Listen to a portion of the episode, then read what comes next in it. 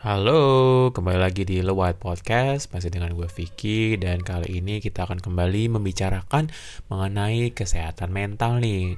Ada gue dan Mbak Cynthia, seorang psikolog, yang kami berdua akan membahas topik-topik seputar kesehatan mental. Sudah beberapa topik yang kita bahas sebelumnya ya. Kalau pendengar pada mengikuti series tentang kesehatan mental ini sudah tiga nih.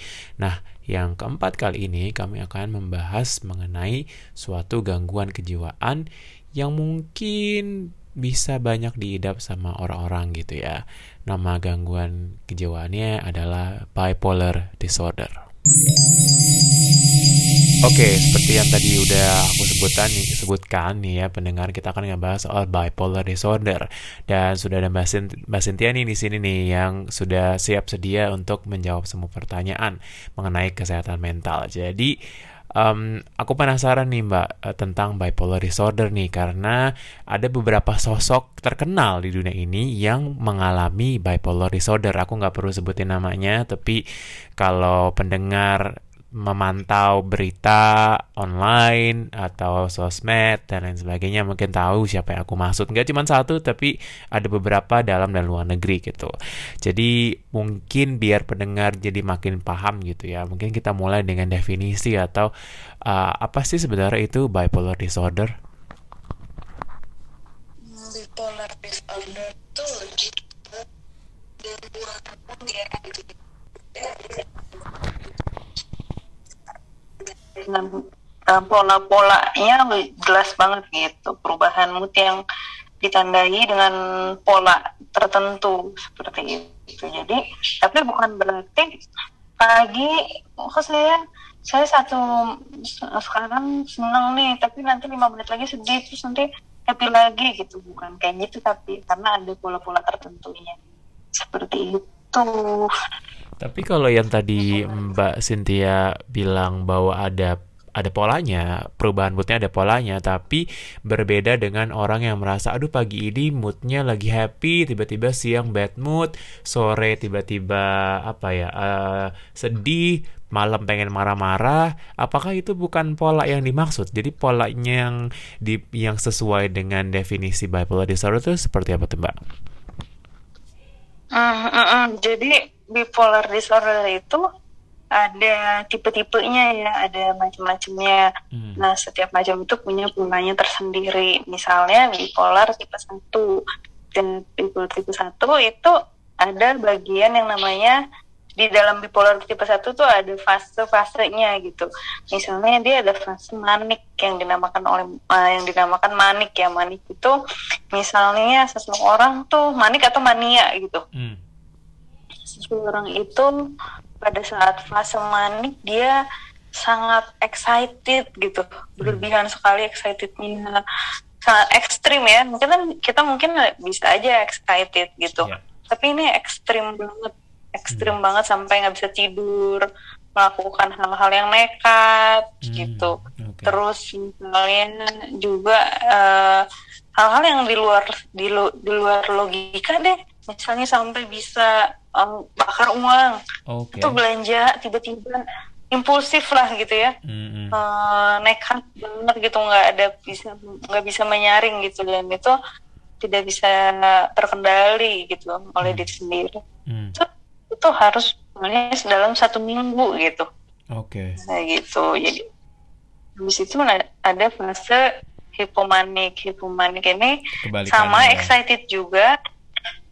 Sama excited juga, oh. cuman lebih sedikit oh, okay. uh, kadarnya terlalu parah kayak manik gitu. Hmm, okay. Gitu. Terus habis itu itu minimal empat hari. Hmm. Gitu. Habis itu depresi depresi itu moodnya yang low banget sampai nggak bisa ngapa-ngapain nggak mau ngapa-ngapain gitu itu itu udah depresi sih udah mm, pokoknya sampai uh, kayak orang nggak inilah nggak bersemangat banget gitu hmm. itu jadi bukan sekedar jadi dalam bipolar itu bukan hanya sekedar perubahan mood yang saya habis ini happy habis itu sedih habis itu happy habis itu sedih nggak hmm. kayak gitu gitu tapi ditandai dengan ada yang manik banget terus ada yang low banget gitu hmm oke okay.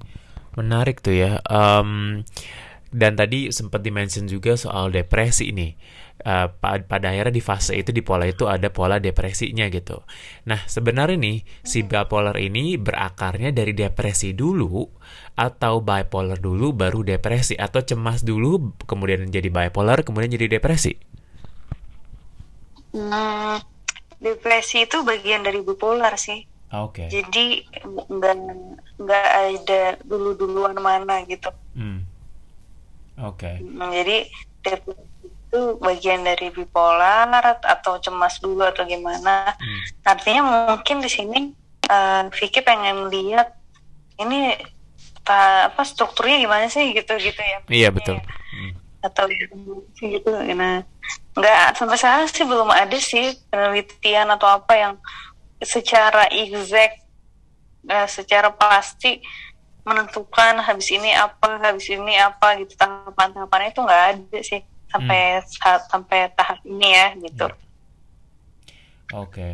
um, tapi mungkin gak sih Mbak bahwa tanpa depresi pun tanpa ada uh, suatu kejadian buruk di dalam hidup seseorang gitu ya. Uh, maksudnya hidupnya tuh normal-normal aja gitu. Jadi dia tidak overstimulate, misalkan dia tidak di, terlalu dimanjakan, tapi dia juga tidak terlalu di apa, tidak di neglect gitu ya. Tapi tiba-tiba bisa terdampak bipolar itu mungkin nggak tuh? Bisa banget karena uh, apa namanya banyak banget kalau dari penelitiannya paling banyak penyebab bipolar itu adalah faktor biologis. Ah, gitu. Okay. Paling banyak ya, faktor genetik, yes. ada faktor struktur otak yang abnormal gitu. Hmm. Jadi di dalam otak kita ini kan ada bagian-bagiannya ya. Hmm. Believe it or not, gitu otak tuh mempengaruhi perilaku kita juga betul, gitu. Betul. Jadi ada yang namanya struktur otak di amigdala. Amigdala itu adalah bagian otak yang mengatur atau memproses emosi gitu. Hmm. Terus uh, prefrontal cortex itu yang di depan kepala yang di apa jadi jidat ya yeah.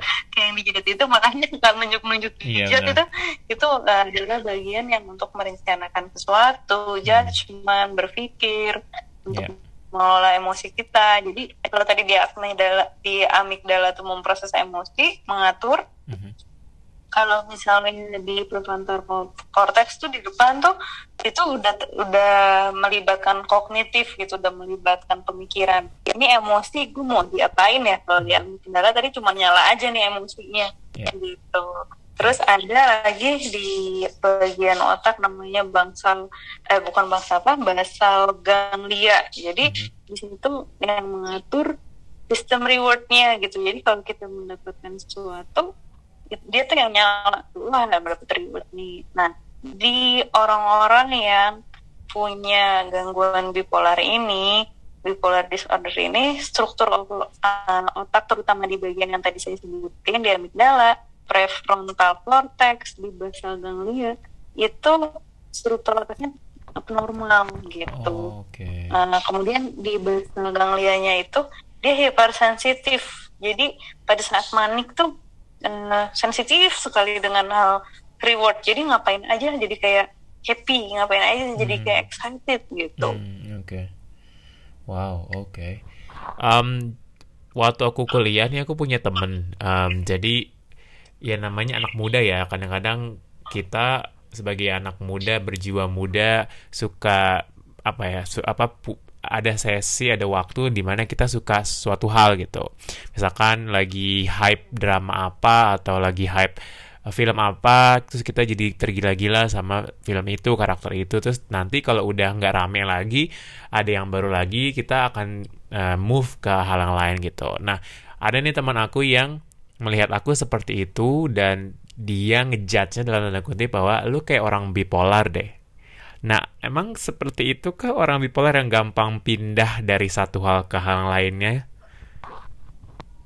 Hmm, eh, kita sama yang persepsi bahwa bipolar itu bukan pindah dari hal ke satu dan ke lainnya. Hmm. Tadi kan dijelasin di awal bahwa uh, ini menyangkut mood, yeah. bukan menyangkut kesukaan terhadap suatu hal, hmm. gitu. Jadi kesukaannya itu bisa tidak pindah bisa aja tetap tuh. Hmm. tapi yang dilihat adalah bukan hanya cuman uh, yang dilihat adalah periodenya juga gitu. Misalnya apakah saat menyukai itu uh, sangat ekstrem sekali sampai nggak tidur sampai nekat sampai pengen nemuin orang yang disukain gitu ya. Misalnya tokohnya apa sampai hmm. ada pengawal diterobos aja gitu. Hmm. apakah itu seperti itu apa enggak dan uh, karena bipolar artinya ada dua fase B-nya itu adalah yang pertama manik, yang kedua adalah harus ada depresinya juga. Yeah. Uh, ketika sebuah hal itu, habis itu apakah sama sekali kayak uh, malah ini apa bukan bukan menyangkut suka apa enggak lagi malah beraktivitas sehari-hari nggak hmm. mau gitu. Yeah. Kalau kalau depresi nih ya um, penurunan minat untuk beraktivitas hmm. dan yang tadinya seneng jadi uh, hobinya apa jadi nggak suka. Tapi nggak sukanya tuh bukan karena nggak suka aja gitu. Enggak bukan. Tapi sama sekali kayak kayak ada minat dan minus lah istilah istilahnya. Sampai um, beraktivitasnya nggak mau sampai akhirnya dia makan aja nggak nafsu makan lagi. Hmm. sampai ada penurunan berat badan yang signifikan gitu. Hmm.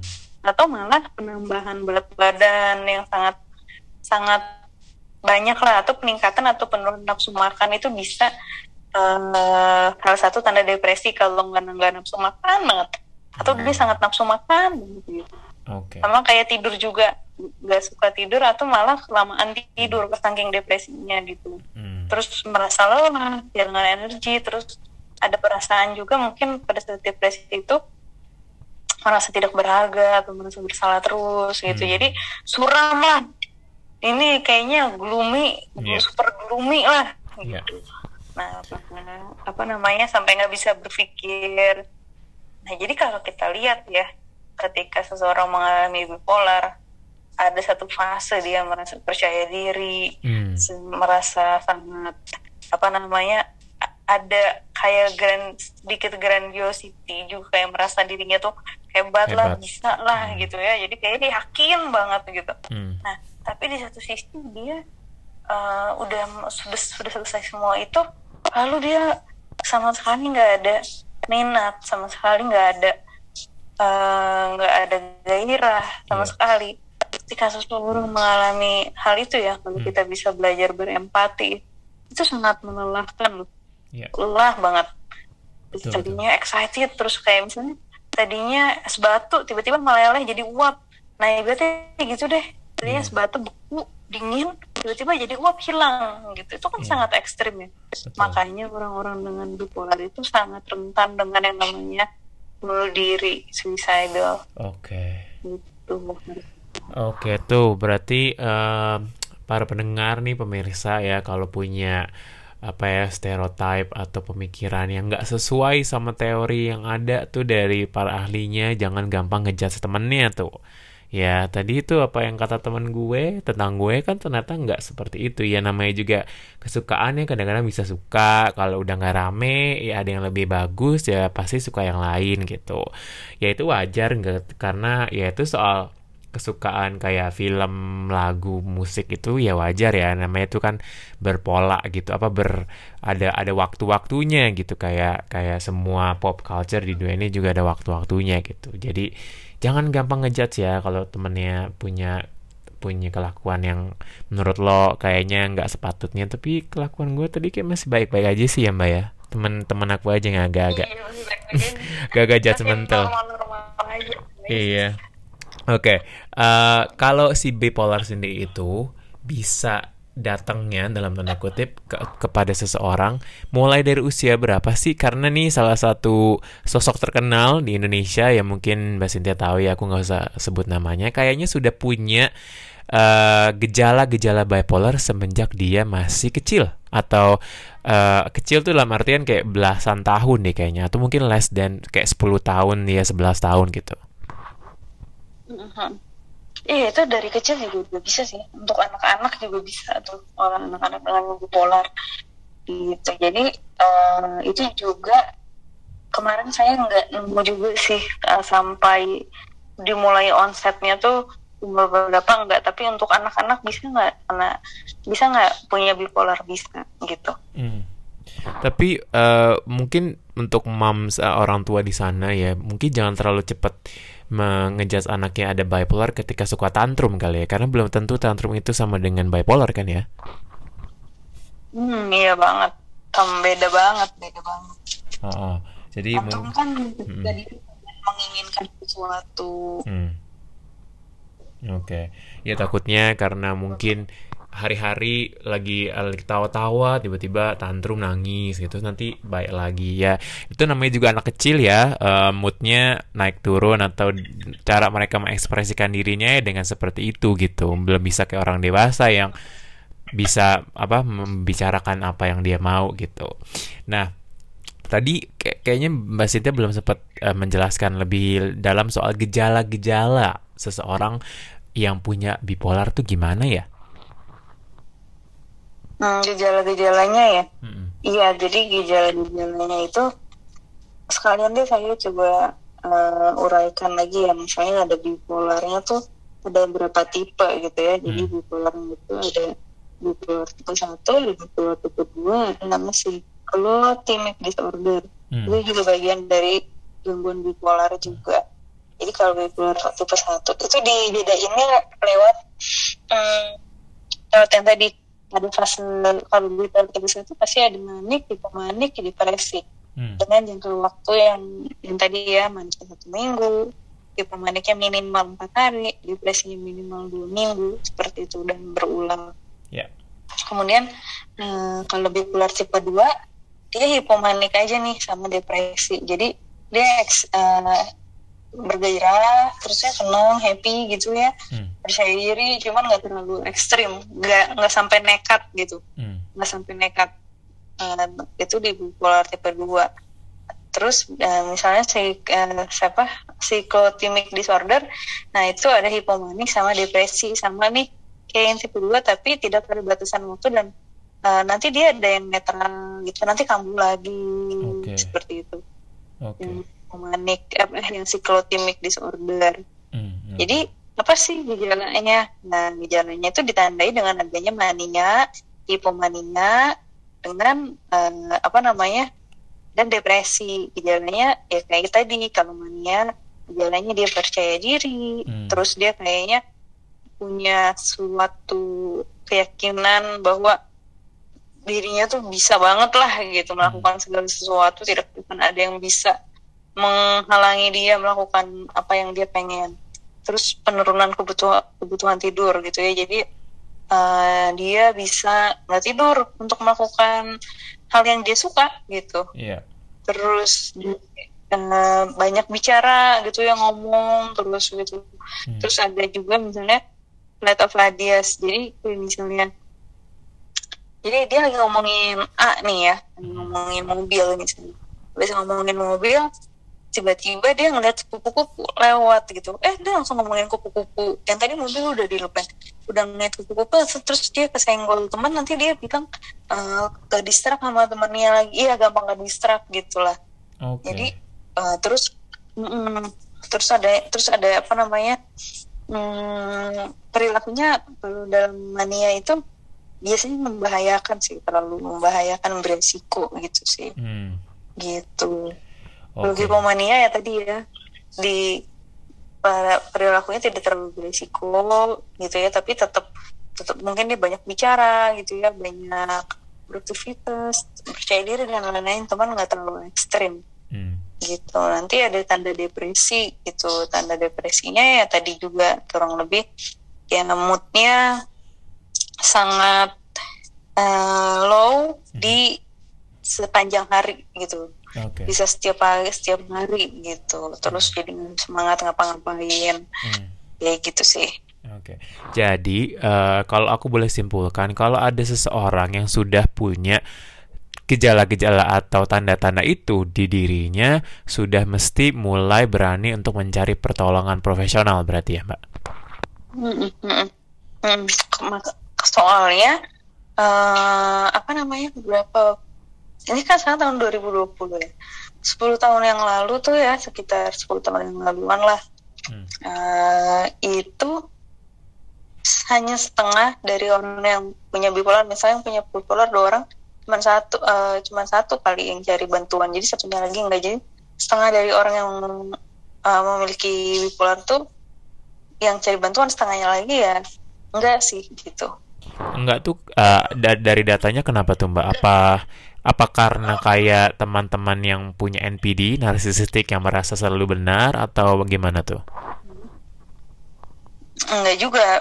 Mungkin ada banyak faktor lah ya hmm. yang kenapa mereka nggak mencari bantuan. Mungkin juga nggak tersedia mungkin juga mereka punya insight hmm. bahwa mereka punya sakit mungkin juga keluarganya bilang ngapain sih lo kok itu pokoknya banyak lah yeah. banyak lah hal-hal yang membuat seseorang nggak mencari bantuan yeah. tapi kalau misalnya kita udah merasa nih diri kita kok ada perilaku-perilaku yang mulai mengganggu aktivitas kesehari-hari hmm. aktivitas aktivitas kita uh, sehari-hari terus kok ini kok kayak membahayakan diri sendiri ya membahayakan orang lain ya gitu kok hubungan sosial gue selalu kayaknya terganggu sama suatu perilaku gue ya gitu ya. itu udah mulai coba boleh cari pertolongan gitu oke okay, um, berarti ya aku dengar kan kalau penyakit kejiwaan tuh nggak bisa dinyatakan sembuh dalam tanda kutip kan ya nah berarti kalau seseorang punya bipolar disorder apakah mereka akan harus uh, apa namanya take medication selama panjang hidupnya, minum obat sepanjang hidupnya? Hmm, itu nanti biar dokter sih yang menentukan mau sepanjang apa karena ada obat jangka panjang, ada obat jangka pendek juga ya. Okay. Itu nanti dokter yang apa namanya menentukan. Cuman uh, karena tadi kan saya bilang bahwa banyak uh, penyebab bipolar ini adalah banyak faktor yang paling besar adalah penyebabnya itu di uh, genetik, dan biologi biologi gitu ya di yeah. struktur otak artinya dia butuh memang obat gitu hmm. mungkin dia banyak butuh terapi terapi dengan obat banyak uh, apa namanya uh, emang harus dibantu dengan obat gitu ya untuk uh, moodnya dia gitu untuk hmm. moodnya kemudian tapi ada juga sekarang uh, dengan terapi-terapi yang kayak uh, dengan alat juga sih dengan magnet gitu ya stimulasi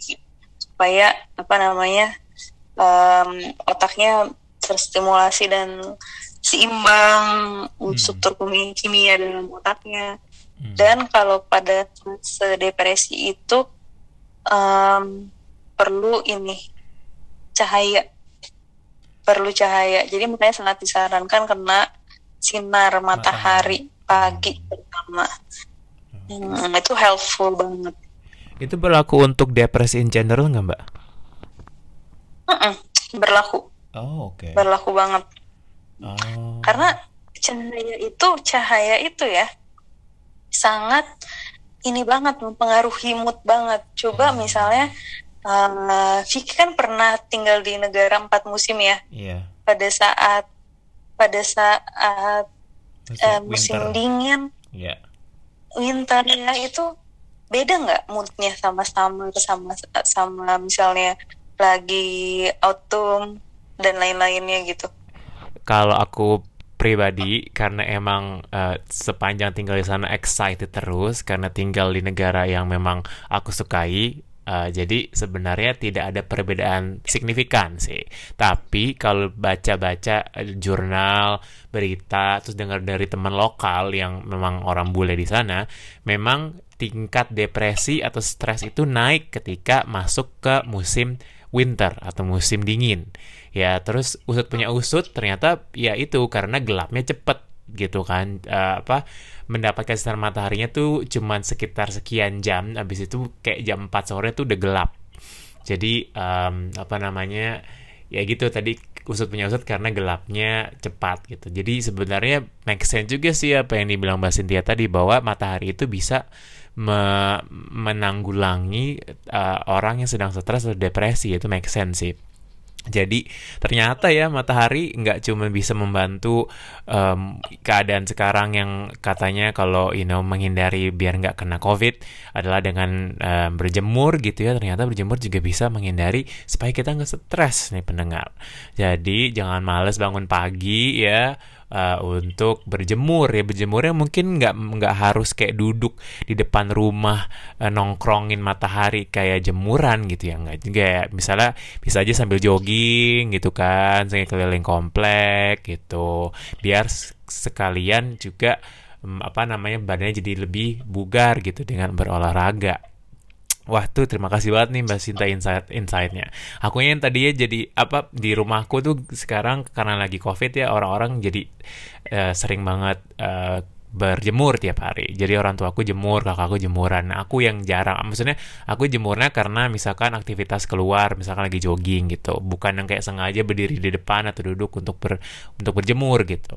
Tapi dengar insight itu kayaknya mungkin aku harus mungkin antara keluar lebih sering untuk jogging dan berjemur atau memang duduk di depan sengaja untuk berjemur gitu. Karena ya lagi keadaan kayak gini ya biar jangan stres-stres deh ya pendengar karena nanti kalau udah stres bisa kena covid bisa kena penyakit kejiwaan lainnya jadi uh, iya apa yang dikatakan Mbak Cynthia itu sangat bermanfaat gitu ya.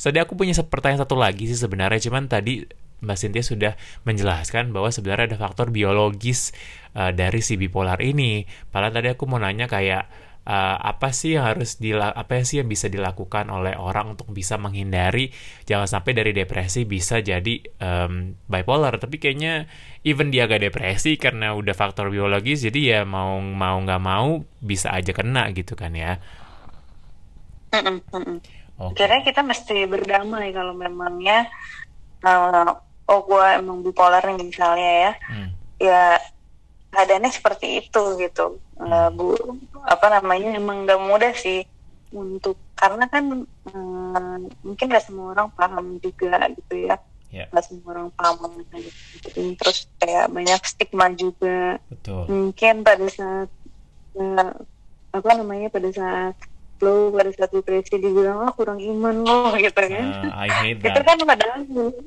yeah padahal sebenarnya memang emang jangan nggak pengen memilih seperti itu iya, memang betul. otaknya gitu betul betul nah itulah apa namanya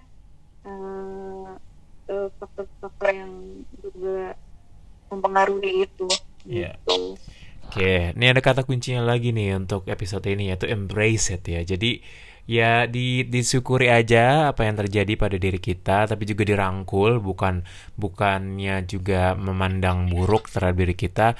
I mean like maybe it's not okay to have bipolar but just see it as an okay thing ya and maybe bersyukur atas itu dan embrace yourself gitu. Um, mungkin gak usah dengerin apa kata orang karena memang susah untuk merubah stigma karena itu merubah harus merubah satu tatanan masyarakat ya karena kalau sudah stigma itu udah berakar di masyarakat jadi susah. Jadi ya mungkin dengerin aja orang-orang yang percaya sama lo, orang-orang yang nggak ngejat lo ya teman-teman, uh, misalnya keluarga lo atau orang terdekat ya yang memang menyayangi dan mau menerima uh, diri lo apa adanya. Tapi jangan lupa juga cari pertolongan ya Mbak Cynthia ya, bisa ke psikolog atau ke psikiater gitu ya. Jadi uh, Ya, jadi uh, kalau udah rasa-rasa depresi dan lain sebagainya, bisa tuh cari bantuan ke psikolog atau psikiater, ke konselor gitu. Karena kesehatan jiwa penting, tidak hanya kesehatan fisik, apalagi sekarang kondisi COVID jadi makin naik lagi, jadi hindari kalau bisa jangan stres, jangan depresi. Mau badan lu udah sehat, tapi kalau kesehatan jiwanya nggak baik juga mungkin akan mempengaruhi kesehatan fisik. Karena semua bermula dari pikiran lo, ya, dan mental lo. Jadi um, apa ya, stres mungkin susah dihindari tapi at least uh, lo mau cari cara untuk bisa menghilangkannya. Oke, okay, mungkin any last words Mbak Cynthia untuk teman-teman yang mungkin mengidap bipolar gitu. Ya, jalanin. Emang capek ya. Pasti banyak godaan juga. Ah, tapi berharga dan ada sesuatu yang bisa kamu tetap lakukan gitu dan apa ya tetap ini hmm. oke okay. Oke, okay, ya, jadi jangan pernah lupa bahwa diri kamu itu berharga ya, pendengar. Um, jangan pernah mau uh, termakan omongan judgment dari orang lain yang nggak tahu diri kamu karena you know you like I said uh, in the previous episode you are amazing just the way you are. So I think that's all for today's episode. So thank you so much for listening uh, this episode. And hopefully kita akan uh, membahas permasalahan mental lainnya di episode-episode lainnya. Jadi terima kasih sudah menyaksikan, menyaksikan ini bukan TV ya, sudah mendengarkan episode kali ini. Dan terima kasih juga Mbak Cynthia. Dan kita akan ketemu lagi di episode berikutnya. See you, bye-bye. See you, bye.